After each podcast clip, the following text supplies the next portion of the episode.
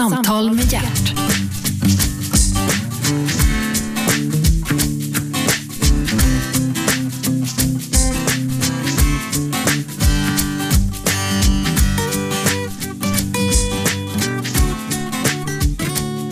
God morgon och hjärtligt välkomna till Radio 1, Sveriges nya och enda pratradio. Programmet heter Äntligen, Gert Fylking heter jag och äntligen är Björn Hellberg här. Välkommen. Tack så mycket, äntligen är jag här. Björn, det går inte att missta sig på dig när man hör dig prata. Du har en väldigt speciell stämma. Ja, den har hängt med i många år. Ja, hur många år har den hängt med? Ja, den har hängt med sedan jag föddes, men eh, i radiosammanhang så debuterade jag med att räkna dubbelfel för farbror Sven Jerring 1960, då jag var 16 år. Ett dubbelfel, då pratar vi tennis. Just det, redan nu. Ja. Okej, eh, och Sven Jerring var en legend i, inom sven, svensk radio. Han var den första stora eh, radioprataren kan man väl säga. Absolut. Och han hade någonting som hette eh, eh, Farbror Svens brevlåda. Ja, barnens brevlåda. Bra, barnens brevlåda hette den ja. Började 1925 och höll på ända till slutet av 60-talet. Det var ett tag världens längsta radioprogram sammanhängande. ja. Och när det gäller kalenderbiteri, då är du ett fenomen, Björn Hellberg. Jag har alltid intresserat mig för sådana saker som andra är ointresserade av. Eh, Då ska vi se, Björn Hellberg är alltså författare. Björn Hellberg är domare, har varit domare i På spåret, har tävlat i På spåret, eh, jobbar tätt och nära Ingvar Oldsberg. Eh, ska nu ut i TV4s underbara sfär med ett nytt eh, sånt här rese och frågeprogram Stämmer. vad det lider. Du har varit på Wimbledon och rapporterat därifrån i 45 år. Ja, det blir 45 upplaga nu i sommar. Du har alltså inte missat en enda Wimbledon-tävling på 45 år. Nej, och inte ens en dag under de här åren. Jag debuterade som journalist i Wimbledon-sammanhang 1967 på den sista amatörupplagan som vanns av Australien John Newcomb. Och sen året därpå, 68, min andra Wimbledon så att säga, då öppnades det för alla och då vann en annan australier, Rod Laver. Och sen har jag varit med där och haft turen att få vara på plats varje och, de, dag. och de här namnen du pratar om, de kommer jag ihåg. Jajamän. För jag är så jädrans gammal. Och jag är ännu äldre. Ja, du, ja är du det? Jag, jag är född 45. Jag är född 44, Ja, just det. ser man. det så, jag brukar alltid säga så här, Gert, du är alltid äldst, men nu har jag blivit slagen på fingrarna. Ja. Björn Hellberg, vi tar det från början. Eh, född? Jag är född eh, i då, alltså 44, 4 augusti, i Borås faktiskt, men där bodde vi inte länge. Mina föräldrar flyttade, så jag har bott i den gamla lagarstaden, Hallands äldsta stad, Laholm, i hela mitt liv i stort sett. Okay. Eh, Frånsett att jag gjorde då som ung frilansjournalist, 65 till 67, gjorde jag en resa till Australien där Jaha. jag bevakade tennis och hajfaran och opalsökning och så vidare. Jag var alltså frilansjournalist då. Okej. Sen återvände jag hem till Sverige och Var du- Då, då var du skrivande? Ja, det har jag egentligen varit mest hela tiden. Jag är ju i grunden journalist. Eh, och så författare, nu har jag skrivit över 50 böcker har det blivit om man räknar med de 25 tennisböcker som ingen läser. Jo, de som är intresserade av tennis. Ja, en och annan. Ja. Men du, okej. Eh, Du, du föddes i Borås och flyttade med, med mor och far och familj. Hur stor, hur stor var familjen? Ja, det var bara mina föräldrar och jag. Okej. Men det har jag tagit igen nu, för nu tror jag att jag har, vi har sju barn och eh, tolv barnbarn, så jag sitter där som en angalt högst uppe på toppen och, och bevakar allihop. Ja. Va- Varför flyttade ni? När min pappa var tvättare, så det fanns inga jobb kvar då. Eh, Han åkte runt och även i Halmstad. Sen så eh, fick han möjlighet att öppna ett litet tvätteri i Laholm. Slut, eh, I 40-talet då. Okej. Och sen, vi, jag har då privilegiet att bo kvar i barndomshemmet. Det är en funkisvilla mitt i den gamla staden där, Laholm. Och det ligger strategiskt placerat Gert, mitt emellan kyrkogården och sjukhuset. Bra, då kan du ju välja lite grann. Ja, nära båda stationerna. Ja, det... Och då kan man ju nästan göra så om man vill vara lite profan att man, man, man blir begravd i kyrkan så går man förbi och så har man fika hemma i, i barndomshemmet och sen så går man vidare till gravsättningen. Det är en väldigt fin promenad. ja. Men du, så, eh, så långt ska vi inte sträcka oss här fram, fram till döden skiljer oss åt. Okej, du, du växer då upp i ett harmoniskt hem förmodar jag? ja, verkligen. Ja. Eh, pappa jobbar, mamma? Jobbar också på företag. Det var bara, bara de två som var i det här lilla företaget. Det Okej. heter Laholms Kemiska Tvätt. ja. ja, ja, varför inte? Hade de skrädderi vid sidan om också? Nej, Ingen de, an- nej, men anlitade skräddare i så fall om det behövdes. lappa laga grejer. Ja. Mm. Okej, och sen så börjar du skolan. Ja, i Laholm och skolan eh, avverkade jag snabbt så jag fick möjlighet att börja eh, skriva för lokaltidningar tidigt. Hur menar du, avverkade du snabbt? Hoppade du över årskurser eller? Nej, men eh, jag eh, hoppade av skolan ganska tidigt. Ja, för, för den tiden, det ska vi komma ihåg, då, då var det inte obligatorisk skolgång i nio år utan då var det obligatoriskt i sju år va? Ja, sju år ja. Ja. Och sen kunde man välja om man ville gå vidare eller inte. Jag valde Ja. då att börja jobba istället. Och då kunde, man, då kunde man på den tiden, efter fjärde klass, så kunde man välja att söka till realskola. så var det, var det. Och därifrån kunde man sen söka efter ytterligare tre, nej, fyra år kunde man söka att komma in på gymnasium. Och efter fyra år på gymnasium så tog man studentexamen. Och studentexamen på den tiden, det var ingen lek. Nej, det var jobbigt. Min fru Inger eh, tog studenten då och eh, det var eh, annorlunda än det idag vad jag förstår. Ja, för idag slutar man ju skolan bara. Ja, så är det. Men då var det en examen, men det var väldiga prov, det var em, andra människor som kallades för sensorer som kom in och förhörde och ställde kluriga frågor och så vidare. Ja, så var det. Ja, det var en riktig examen. Och sen efter det så kunde man då gå vidare på olika universitet om man ville det. Men det fanns också yrkesskolor på den tiden. Som, man, som man så att säga gick på. Man blev, ville bli målare eller snickare eller vad man nu ville bli. Och, och så fanns det lärlingsskolor. Ja, Men du, du hoppade av skolan efter sju år. Vad tyckte föräldrarna om det? Nej, det, det var ju samförstånd då. Det var ju, eh, jag hade redan då börjat skriva lite grann redan i skolan och skicka in och få, eh, skick, eh, skickade in bidrag till tidningar och så vidare. Så jag hade, hågen var väldigt snabbt inriktad på att bli skribent alltså. Vad skrev du om i början? Ja, jag skrev ju både om, eh, jag skrev, skickade in små bioreferat och idrottsreferat och så vidare. Och, så att eh, jag fick in en fot väldigt tidigt. Aha. Och eh, redan som 18 år um, hade jag medarbetat um, hos eh, Torsten Tenér på Idrottsbladet Jaha. och Edvin Ahlqvist på All Sport. Alltså Edvin Då ska, vi, ju- då ska vi, hallå vänta ett tag, vi måste berätta här för lyssnarna som inge, inte eh, vet det här, att bägge de här två namnen, Ahlqvist och eh, Tegnér. det var giganter. Ja, det var det. Tegnér hade, eh, han var för övrigt son till eh, den stora musikaliska stjärnan Alice Tegnér från Karlshamn.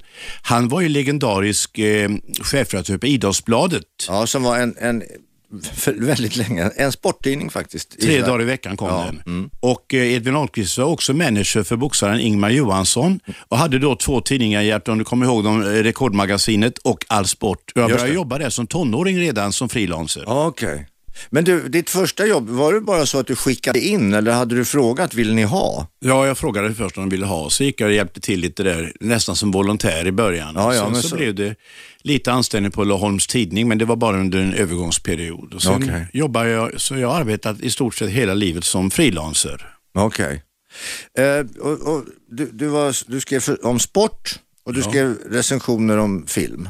Bland annat, ja. Bio, gick, gick på den lokala biografen och Vi ha- vi hade två stycken då på den tiden i Laholm. och så skrev du recensioner. Jajamän. Kommer du ihåg något, vi- vilken film från den tiden, nu pratar vi alltså Ja. mitten på 50, eller slutet på 50-talet. Kommer du ihåg vilken film Ja, som... jag kommer ihåg en som jag inte recenserade men som gjorde mig skräckslagen. Den hette Spiraltrappan och Kurt Siodmak eh, och den var verkligen ruskig. Ah. Ja. Med ett stort öga som fyllde hela eh, scenen där. Ja, du vet du själv, för du är, ju också i branschen. Jag har sett det Gert, i eh, Stig Trente-filmen Som man ropar. Just det. Exempelvis. Så du vet vad det handlar om. Mm. Ja, Men då. den här eh, spiraltrappan var riktigt rysa, rysansvärd då. När jag nu såg om den för eh, några år sedan så uppfattade jag inte den som lika hotfull. Nej, nej, nej, tiderna har lite grann förändrats och berättartekniken har Mm. också förändrats när det gäller hur man så att säga gestaltar en historia, på, Så- inte så minst på bio. Jaha, eh, teater då, var det intressant? Ja, eh, jag har varit intresserad av film väldigt, väldigt mycket. I- Idoler är bland annat eh, då Arne Mattsson, Hasse Ekman och så vidare. Jag är så otidsenlig, men jag tycker, tycker om dem. Men, eh, Och då pratar vi om de här mannen i svart, vi pratar om eh, den gula bilen, vi pratar om eh, Mannekäng i rött. Mannekäng i rött. Ryttare i blått, Ryttare i blått pratar vi om, ja. Vita frun. Vita frun. Det var, det var fem stycken Arne Mattsson-filmer som byggde på en manus av Folke Mellvig, där även faktiskt eh, Lars Widding hade ett finger med i spelet. Aha. Eh, Men däremot har jag aldrig haft en håg att själv eh, agera som skådespelare. Men, och inte skriva manus heller, för du har, ska vi ju komma fram till här så småningom, du har ju skrivit väldigt mycket skönlitteratur. Ja, det har jag verkligen gjort, men, men jag har aldrig, aldrig skrivit eh, specifikt för exempelvis film eller eh, teaterscen. Det har jag inte gjort. Och det är ingenting som du, tänk om man skulle ge sig på att försöka spela, eh, skriva en pjäs? Det hade varit eh, en dramatisk eh, utmaning som kanske kommer. Ja, men du är lite, du är ju åt deckargenren. Ja, men du, du, du, du, du kan ju konstruera liksom en plott. Ja, det, det, fick jag mycket av den store Stig Trenter, den store Stockholmsskildraren. Han hade ju sinnrika eh, och intrikata gåtor. Så då lärde jag mig lite grann att man, hur man ska lägga upp det. Men det är kanske inte det primära tycker jag i en deckare, utan det ska också vara själva lite relation, lite humor, lite spänning och blandning. Men, mm. men Trenter betyder mycket för mig. Mm. Stig Trenter som också var gift med en deckarförfattare. Ja, med Ulla Trenter. Ulla och, och deras barn, Laura, eh, skriver barnböcker, har också nu eh, skrivit vuxenlitteratur. Okej. Okay. Jaha, så att vi, vi, vi befinner oss i Laholm i en eh, lycklig idyll. Laholm, mm. bara det låter ju bara skönt allting. Mm, det är en härlig stad. Äh, mor och far jobbade på kemtvätten. Ja. Äh, eget företag. Ja, litet företag de två. Ja, ja, men det var ju trots allt, ja. icke desto mindre. Äh, eller desto mer. och sen så tycker du, nej, sju år räcker i skolan, jag vill skriva. Mm. Jag vill bli journalist. Ja. Har du någon formell utbildning? Nej, det, eh, eh, Journalisthögskolan kom ju strax efter. Och, eh, annars har jag gått där naturligtvis och sökt in där. Men, men eh, i och med att jag kom igång med, med verksamheten så, så rullar det på hela tiden. Ja. Eh, sen är det så att jag är närhet till Båstad och det gjorde ju då, att, eftersom jag alltid varit idrottsintresserad, att det är bara två mil till Båstad som dock ligger på Skånesidan, mellan Laholm och Halland. Mm. Eh, så det var två mil dit och då kunde jag tidigt få kontakt med tennisen. Det är så det gick till att jag blev då tennisbiten på allvar. Nu har jag hållit på med det i över 50 år. Men Båstadveckan, var den det, på det sättet som vi känner den idag, Tennisveckan, hade den börjat då vid den tiden? Ja, eh, tennisen har spelats i Båstad sedan 1907 och sedan eh, 1920-talet blev det internationella tävlingar och 1948 blev det officiell internationell status och det har spelats varje år sedan 48 och det var fantastiska startfält på 60-talet. Roy Emerson, Manuel Santana, namn som du känner till. Ja, ja visst. Eh, Gert, ja. Och så vi hade ju svenska S också, Davidsson. Ja. Vi hade Janne Lundqvist. Berlin, Uffe Schmidt. Uffe Schmidt, just det. Eh, och Lennart, Lennart Berlin som sen blev eh, Björn Borgs ledsagare. Ja, också var eh, Davis Cup-kapten när Sverige för första gången vann Davis Cup 1975. Då var det han som var eh, inspiratör och eldsjäl och ledare där. Mm. Du, eh, på tal om Lennart Berlin är den här skrönan sann? Det sägs att han är ute och åker i Frankrike, mm. får fel på bilen, stannar, inser att han behöver ett litet verktyg, stannar en, en annan bil som kommer farande och säger Do you have what we in Sweden call skiftnyckel? Jag tror den stämmer. Jag var inte med vid det tillfället. Eh, annars är det ofta så att de här eh, myterna förstärks på något vis. Men, men jag har hört den från rätt så många håll så det stämmer nog. Jag har själv hört dem säga, nu ska jag gå in och take a dash, sa han istället för en shower. Där. Eh, det var en väldigt färgstark person som, som var mustig. Han kom från Alingsås och stod eh, och bankade på med, med tennisracket och boll inne i inne i köket och krossade porslin där. Men ma mamman var så snäll som lät honom hållas och så blev det en av våra stora spelare. Ja, det gick ju bra. Men jag kommer ihåg, eh, jag kommer ihåg eh, Davis Cup och våra Davis Cup-par då, Smith och Davidsson. Ja. De var ju fantastiska. Eller oh ja. Eh, förlåt, Janne Lundqvist. Ja, men Davidsson var ju också med ja. ett tag i den perioden. Davidsson var ju vår första riktigt, riktigt stora, ja Berlin också, men Davidsson nådde ändå högre framgångar. Och Davis Cup spelades ju väldigt ofta i Båstad på den tiden. Äntligen, Samtal med hjärt.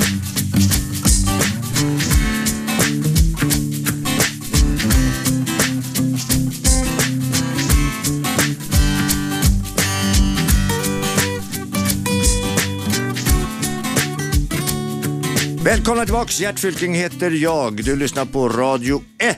Programmet heter Äntligen och äntligen Björn Hellberg. Björn, ja. vi har nu fått lära oss att du är född i Borås, flyttat med mor och far som öppnade kemtvätt, en liten men ändå kemtvätt i Laholm. Eh, du gick i skolan, slutade efter sju år och tänkte nej, jag ska bli journalist.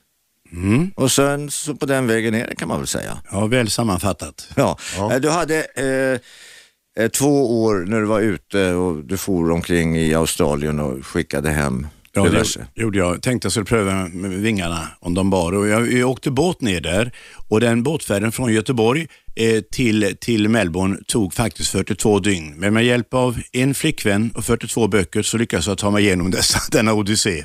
Flickvännen, var det frun? Nej, det blev en annan faktiskt måste jag säga. Jaha.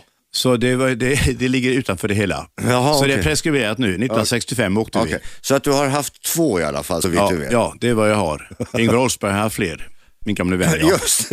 Vi ska återkomma till Björn, eh, till Ingvar och Oldsberg om en liten stund. Men du, nu, nu hamnade vi här, alldeles nyss så hamnade vi i Båstad. Ja. Och Laholm ligger som alla vet, eh, som har varit med på åtminstone den geografilektionen, att Båstad ligger ganska nära Laholm, om än i Skåne medan Laholm ligger i Halland.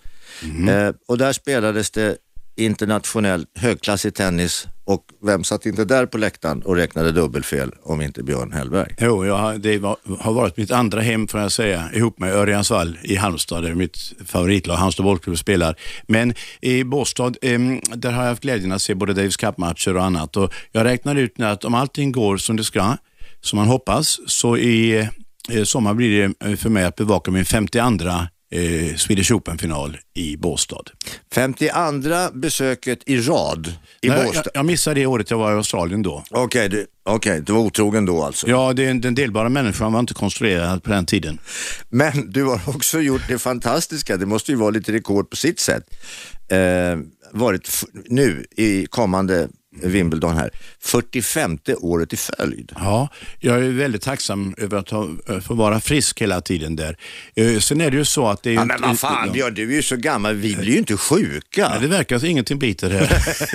Eh, men eh, jag har ju haft en lite fördel i Wimbledon. Det är ju en tvåveckors turnering. Men i motsats till de andra tre Grand Slam-turneringarna så spelar inte Wimbledon på mellansöndagen. Eh, söndagen. så den har jag haft ledig. Den har bara tagits i anspråk tre gånger då det varit väldigt regnigt. Okej. Så jag har haft alltså utav de här 44 år jag har varit där, har haft 41 fridagar. Det får inte glömma.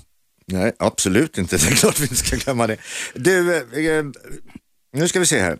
Tennis spelas ju på olika underlag. Ja, Wimbledon är på gräs. ja. Paris, som är precis nyligen avslutat, där eh, Nadal vann mot Federer i en väldigt spännande match så vitt jag förstått. Jag hörde på radion. Eh, är på grus. Ja, och så har det alltid varit. De två har spelat på de underlagen ända från början. Men de andra två Grand Slam-turneringarna har, har ömsat underlag. Okej, från? Eh, Australian Open eh, och US Open, eh, de spelades tidigare på gräs också. Men de bytte då till, till eh, hardcourt, alltså en sorts cementblandning. Va? Eh, då, eh, Australien gjorde det 88 och USA det, eh, tidigare redan på Du, varför 70-talet. säger man att man spelar på grus? Det gör, ja, grus det är ju eh, Antuka egentligen. Det är en sorts sand. Ja, grus, grus ja, det, ja, det Det kan man ju fråga låter, sig. det låter ju som att man är ute på, Ja, på det någon det. bakgata och slår. Det låter väldigt spartanskt. Ja. ja men så är det. Men du, eh, kan du svara på frågan, eh, var, varifrån kommer tennisen? Hur, Ja. hur uppstod den? Det, det spelas lite i Indien och um, till, man börjar med att slå med handflatorna till varandra. Det är väldigt dunkla bakgrunder där till det hela. Eh, Då, men- vänta förlåt att det här är intressant för nu kan jag berätta en annan sak för dig som du kanske inte vet en gång. Nej. Och nu hoppas jag att jag är den första som får berätta detta Ja. för dig. Det finns ett spel som heter squash, Ja, det vet du. jajamän. Det finns ett spel som spelas på samma typ av utrymme som squash, nämligen i ett, i ett fyrkantigt rum där det är fyra väggar. Royal Tennis, eh, heter det så? Real. Fives, Fives, jaha. du spelar med handflatorna. Jaha. Du har en handske som är eh, aningen eh, så att säga vadderad Mm. på insidan. Sen, sen, så har du, sen slår du bollen med handen. Ja, det är intressant. Det, det är en föregångare till tennisen. Det heter Sean de. Man slog med handflatorna, alltså även i tennis i början. Ja. Ja, och faktiskt eh, Erik XIV hade ett bollhus i Gamla stan i Stockholm, så så länge är det. Men de moderna reglerna kom ju inte förrän på 1800-talets slut. Alltså, Och Wimbledon spelas första gången Mm. Men du, är det inte 1877. synd att de inte lärde sig att räkna från början i tennis? Jo, det är, ju, det är ju så raffinerat räknesystem och ingen kan egentligen fullödigt redogöra för hur detta egendomliga system uppstod. Men det finns ju en favör. Är det, en fotbollsmatch där det står 4-0 till ena laget och det är två minuter kvar så är det som regel avgjort. Ja. Men i tennis kan det stå 5-0 i, avgörande sätt och det kan vända. Det gör det nästan i varje turnering. Så det är raffinerat. Det vet vi, inte minst vi som har följt Björn Borg, att det var i Paris Ja. så var det ju eh, en, eh, mot spanjoren. Orantes, han tappade Orant- två set och sen vände det helt. Ja, det stämmer. Han låg, han låg nästan i brygga då, Borg. Ja, men sen vände det helt. Så det, det går alltså att komma tillbaka.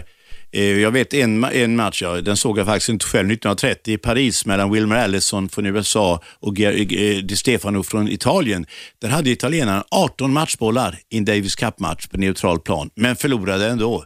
Eh, Det, det är det som gör tennisens eh, tjusning så stor, tycker jag. Ja, jo det är det. Och det är ju därför det, man aldrig ger upp i tennis. Nej, det finns alltid möjligheter. Det finns alltid en chans. Ja, Ja. men det, är- det är fantastiskt spännande. Eh, ditt, ditt intresse för sport, det har alltså, det grundlade sig, det var Örjansvall, det var Halmstad bollklubb och de var bra ett tag på den Mm. Ja, tiden. då, eh, fortfarande hängt med. Ja, inte idag. Den stora idolen var ju Sylve Bengtsson, den, det. den enda spelare som jag vet som har stått på alla positioner. Nisse Lidholm kunde man sätta på vilken plats som helst, men dock inte i mål. Men Halmstads målvakt på den tiden, han hette Rune Ludvigsson om du kommer ihåg honom. Om han blev skadad så fick man inte ta en ersättare. Mm. Då måste någon eh, sättas in och då tog man Sylve Bengtsson fast när han var den bästa utespelaren, för han var Mm. bra målvakt också.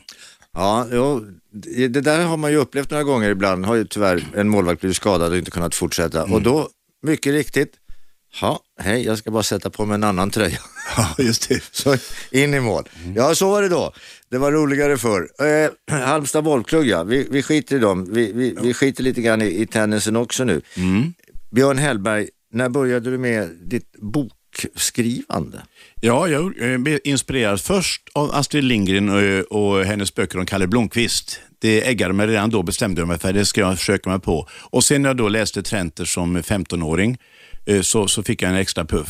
Stig Trenter var alltså en eh, eminent Stockholms skildrade och eh, eh, skrev om eh, deckarhistorier. Ja, absolut. Från 43 till eh, 67, sen han- då han avled i 52 års ålder, ty, tyvärr då.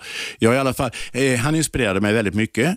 Eh, Och eh, när jag läste eh, Roparen som hade kommit ut 1954, läste jag 1961 på skärtorsdagen, så blev jag så äggad av detta att jag bestämde mig för att läsa samma bok de kommande 15 skärtorsdagarna, vilket jag också gjorde. Vet du, jag har en sån bok ja, som jag läser varje sommar. vilken är det? Röd orm. Ja, det är härligt. Alltså jag, bör, jag inleder sommaren med den, för då vet jag, nu är det sommarlov, kom, kom här Röd orm så ska vi ta ett nappatag. Underbar tradition. Ja, det är faktiskt roligt. Häng fast vid den. Ja.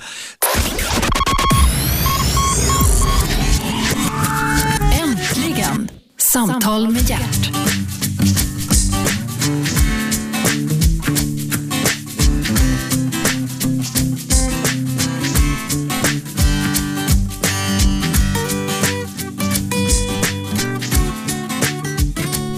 En minut då. Ja, det är vi som pratar här, Björn Hellberg och jag, Gert Fylking. Programmet heter Äntligen. Du lyssnar på Radio 1 och äntligen är alltså Björn Hellberg här. Oraklet kan man väl säga.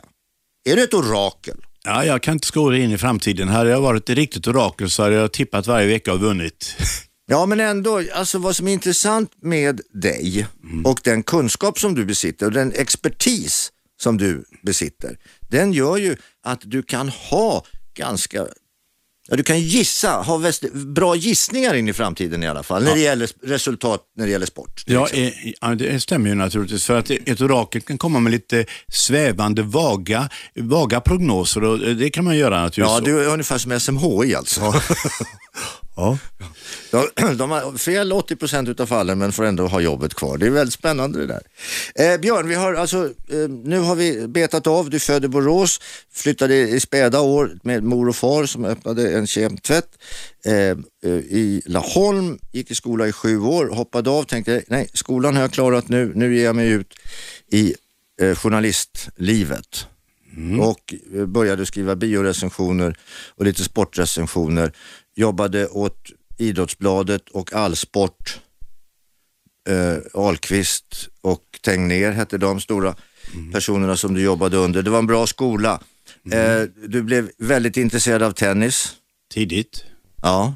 Och fotboll. Ja, och eh, en hel del andra idrotter också. Men du, vad fan, vi som känner dig eh, ifrån TV till exempel allmänbildningen, var kommer den ifrån? Det är ju inte bara det att du kan liksom alla resultat och vem, när det var linje in och linje ut och, och, och nätrullar i tennis. Du kan ju allting. Nej, men eh, jag tror eh, nyfikenheten är väldigt eh, intensiv, intensiv sporre i det här sammanhanget. Jag tror att man ska ha, vara vetgirig på ett positivt sätt. Alltså inte bry sig om vad grannarna sysslar med utan istället försöka eh, tillägna sig de kunskaper som man är intresserad av. Och Det är ju så det, det jag eh, känner engagemang för, det, det fastnar en del av det här. Exempel, jag tycker om humanioraämnen, historia, geografi, idrott som man räknar ut, litteratur, musik, fram till och med Ove Törnqvist eh, och så vidare. Eh, däremot är jag väldigt... Fram till och med Ove Törnqvist. Ja. I love it. Ja. Eh, däremot är jag väldigt ointresserad av exempelvis teknik och fysik och kemi. Så jag tror att eh, alla har vi våra specie speciella områden som vi omhuldar lite extra. Och där har ju du fått, eh, just med det, det du sa nu, där, de humanitära ämnen, historia, geografi, eh, konst, eh, massa sådana saker. Där hamnade du på rätt plats när du hamnade i buren på, på spåret för första gången. Det stämmer ja. Eh, 1988 var jag första gången med där och så tävlade eh, vi då i fyra Vem år. hade, du, vem hade du som mo- moaché? Jag hade Mats Strandberg på Radiosporten. Det var tremannalag på den tiden. Okej. Och så ibland var eh, Bengt Rive med, färgernas eh, mästare, var med. Och så Ja, ingen kunde väl som han beskriva en konståkerskas klädsel. mörkvitt, blåbärsrisgrönt och min förklarade gunstring på Gri- Grives palett eh, bordellrött. ja, och sen var även, Grive var inte med varje år utan ibland hade vi Joakim Nyström med också. Okej. Så att vi Hur gick det för er? Ja, vi lyckades då med lite tur då vinna alla de fyra omgångarna. Skicklighet, skulle jag vilja Nej, säga. Jag vet inte. Men Ja, måste- men ni hade ju hårt motstånd. Ja, Hoa Hoa Dahlgren var en frejdig Ja. eh, opponent som, eh, som man verkligen fick ta i för att klara. Han Och sen, bra. sen då? Sen blev, du ju, sen blev du ju bisittare till Ingvar Oldsberg. Du blev ju domare. Ja, och fick vara med i processen på ett annat sätt. Jag kunde vara med och styra och ställa en del frågor själv också där. Ja. Och sen eh, hjälpte jag Ingvar ibland med ledtrådarna som är så kluriga. Mm. Eh, att vi själv inte begrep dem ibland. Nej, nej. Men fick ni själva vara med och ställa, alltså skriva frågor? Ja, en del gjorde vi, gav tips om. eh, Och där så skrev jag dessutom de här sketcherna. Jag skrev alla de där Ingvar och jag agerade som nationella åtlöjen eh, och spelade sketcher som Holmes och Watson och vi var Ja, ja. Björnligan och så vidare. Men det var kul. Så det var manus Ja. Björn Hellberg. Ja, det var det. Du, eh, ja, och sen så, programmet fortsatte och det ska ett bra program göra, tycker jag. Eh, Men man bytte ut programledarna. Mm. Jaha, och du och eh, Ingvar Oldsberg, det strävsamma gamla paret, hamnade lite grann i, jag vet inte vad, kylskåpet ett tag, men dyker då upp numera på TV4. Ja, i, mot slutet av sommaren ska vi ge oss ut på en liten odyssé genom Sverige. Ingvar och jag. Det blir alltså en frågesportstävling med betoning på svenska städer och orter. Och i motsats till På spåret så kommer en, Ingvar och jag att vara på plats på de, i de olika städerna och prata med eh, invånarna där. Men du, eh, bara ett, ett litet råd från mig, som har läst skvallerpressen. Om det är någon som ska köra så kör du, In, låt inte Ingvar köra, han för, kör för alltid för fort. tack för tipset, tack för tipset. Ja. Men, du, ja, men ni, ni är, eh, har varit ett strävsamt eh, gammalt par kan man väl säga. Ja, vi träffades eh, första gången bör- började vårt samarbete i början av 70-talet, 73 tror jag det var. Okej. Eh, och gjorde lite radiosport ihop. Jag var ju frilanser, men Ingvar var anställd där. Och sen har vi gjort en hel del projekt, inte bara På spåret. Vi gjorde ett tv-program som hette På året, en årtalstävling och vi hade en eh, som heter kallar ordtennis och sen eh, var vi då studiovärdpar i Stockholm under OS i Albertville. Det var då vi emigrerade inom citationstecken till Norge och blev norska stats, statsborgare och fick namnen Oldsmo och Hällbacken. Ja, ja, det var en Och historia. Hällbacken, Hällbacken är faktiskt en gata i Laholm nu. Okej, Den fick jag uppkallad 1992. jaha ja. Så, Den har, den har en fallhöjd på en och en halv meter. oj då. Då ska man akta sig när man cyklar alltså. Det, du, Björn, Björn Hellberg, vi, vi, ditt författarskap. Mm. Eh, jag sa här att i, ibland, jag har läst, inte allt, men jag har läst en del. Eh, jag, jag, jag minns en formulering eh, som, som jag tyckte, jag, jag kan inte ordagrant, men jag fick Mm. en, en bild här i huvudet. Eh, de- hade kommit in i massa saker och ting och sen så har de en, en kärleksakt på natten. Eh, finstämt beskriven. Eh, och sen på morgonen då så vaknar lustarna, lustarna åter och då, då tar de en mintpastill. Ja, det är mannen har då strategiskt eh, varit, han har varit preventiv. Han vet att han kanske på morgonen då vill han inte ha den här dävna eh, andedräkten utan då har han smusslat i en eh, pastill. Eh, du nämnde lite, skrivit lite på gränsen till snusk. Det, för det första var det några år sedan. För det andra så bevisar det att en författare kan skriva om sånt som vederbörande inte begriper sig på. Nej, men får jag då fråga en personlig fråga? Ja. Det här med mintpastillen, är det någonting som herr och fru Hellberg ägnar sig åt? Vi borde kanske göra det. Ja. Ja, det, kanske, det kanske kan sponsras här med lite Ja. mintpastill. Ja. För du vet vad de säger? Morgonstånd är guld i mun. Ja, jag, jag förstår att du pratar av egen, egen erfarenhet. Ja. Du, eh, Björn, hur många böcker har det blivit? Ja, om man räknar fackböcker ner så är det drygt eh, 50. Eh, inom deckare ungefär 25, det beror på hur man räknar. Jag har skrivit någon vanlig roman också och någon barnbok, men eh, eh, 25 deckare vill jag säga. Varav 19 med Sten Wall som är nu aktuell med den här Sankte Per som Ja, kom för några går, dagar det, sedan. det är ju eh, lite samma, man får ju följa lite samma personer. Ja. Mm.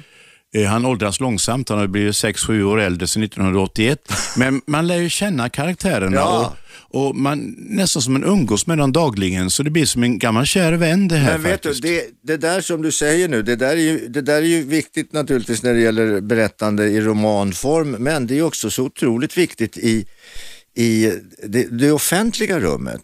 Alltså, när man är i ett äktenskap eller i en familj eller i en vänkrets så, där, så åldras man tillsammans och lär känna varann och varandras egenheter och, och småfel och skavanker och stora fel och brister och allt vad det nu är. Och så lever man i harmoni med det. Ja.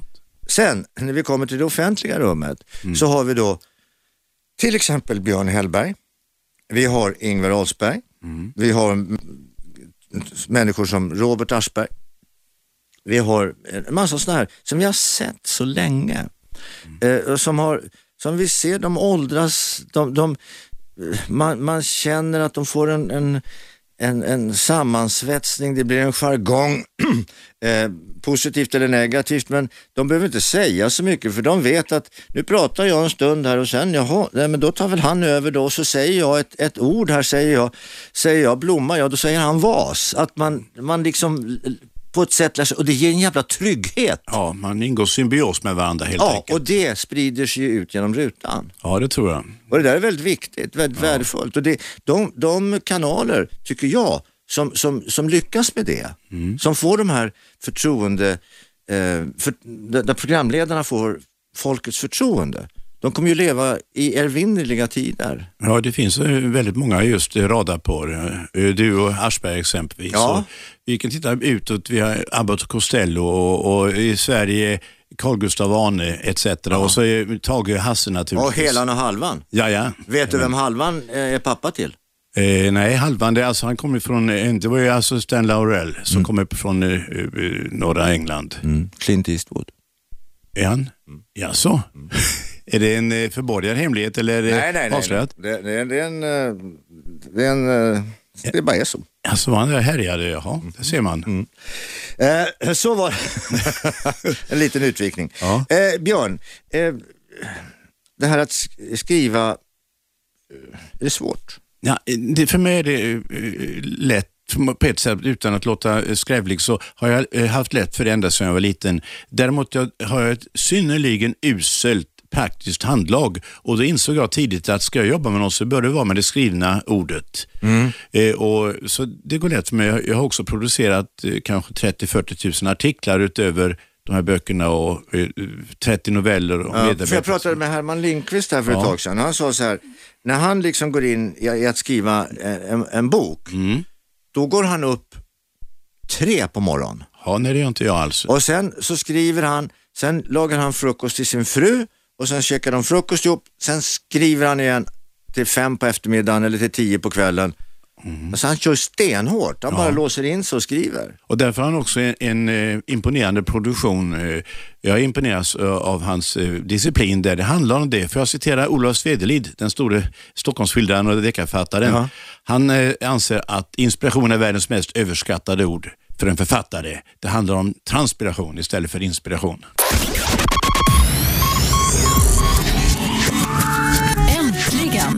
Samtal med hjärt.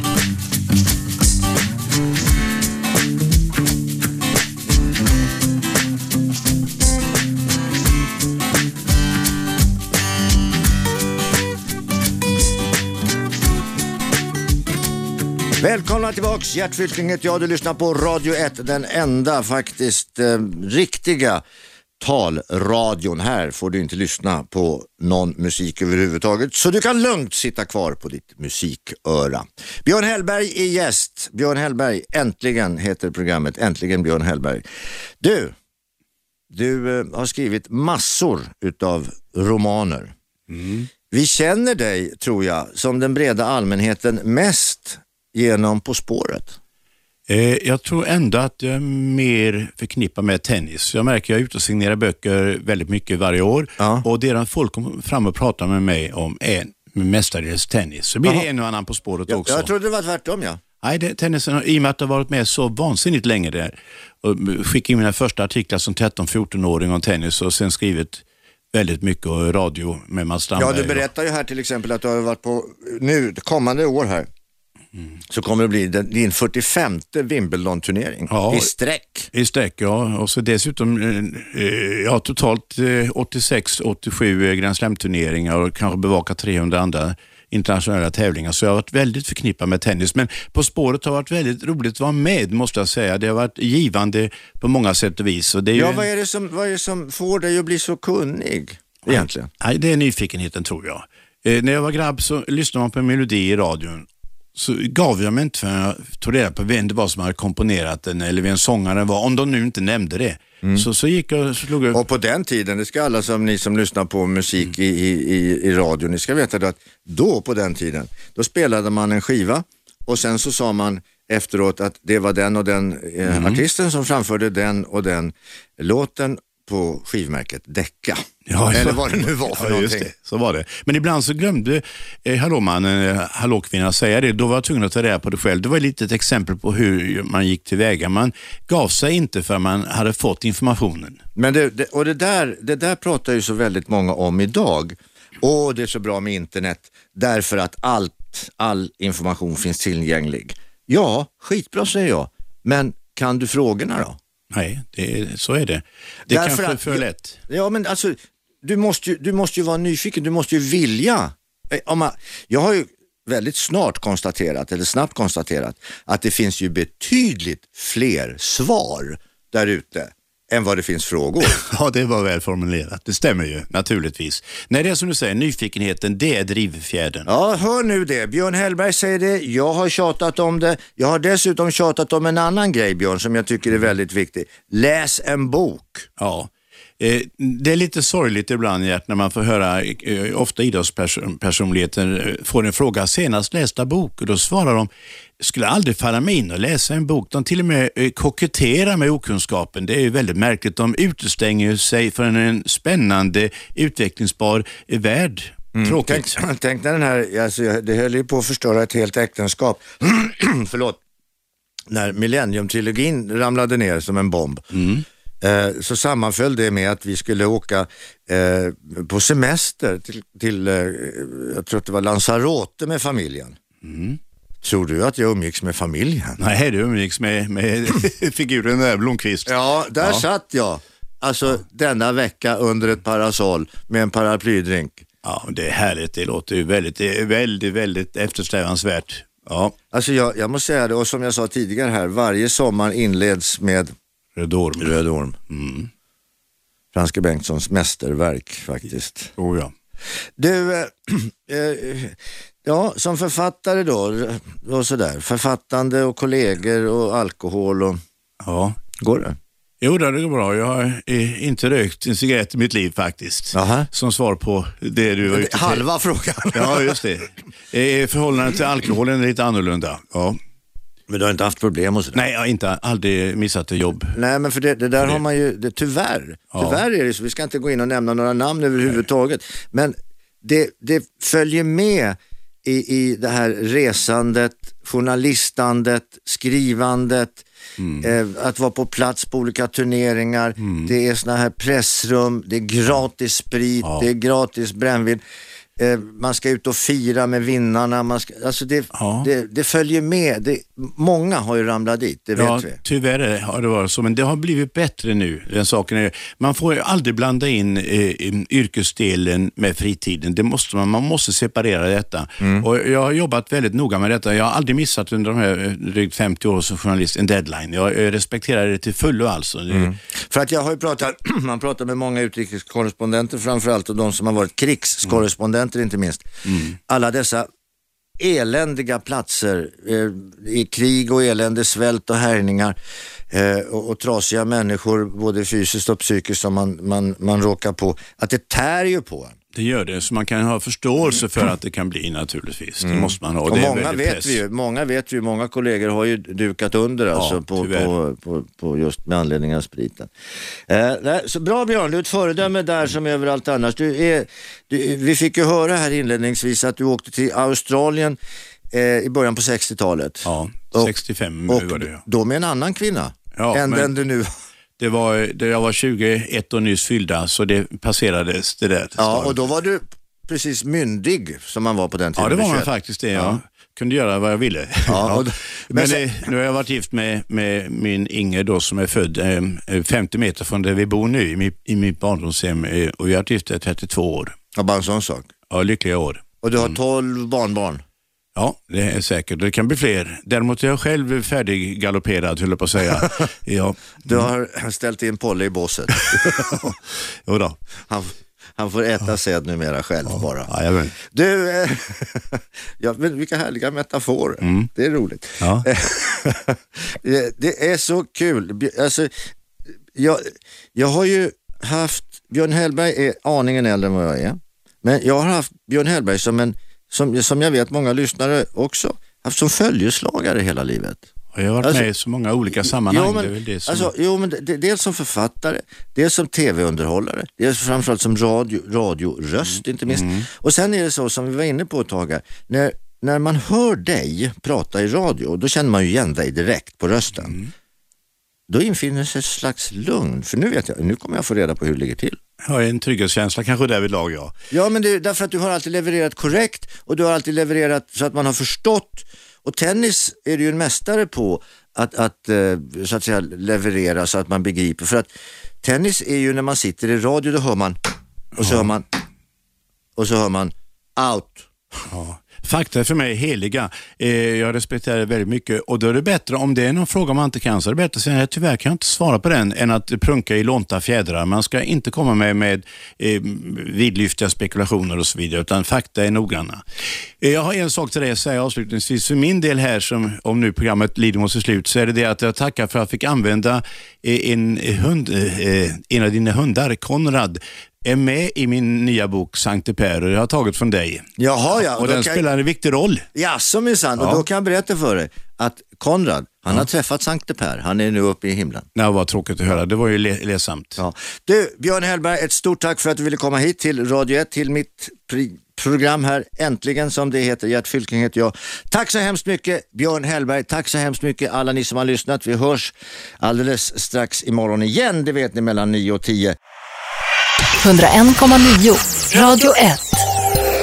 Sveriges nya pratradio.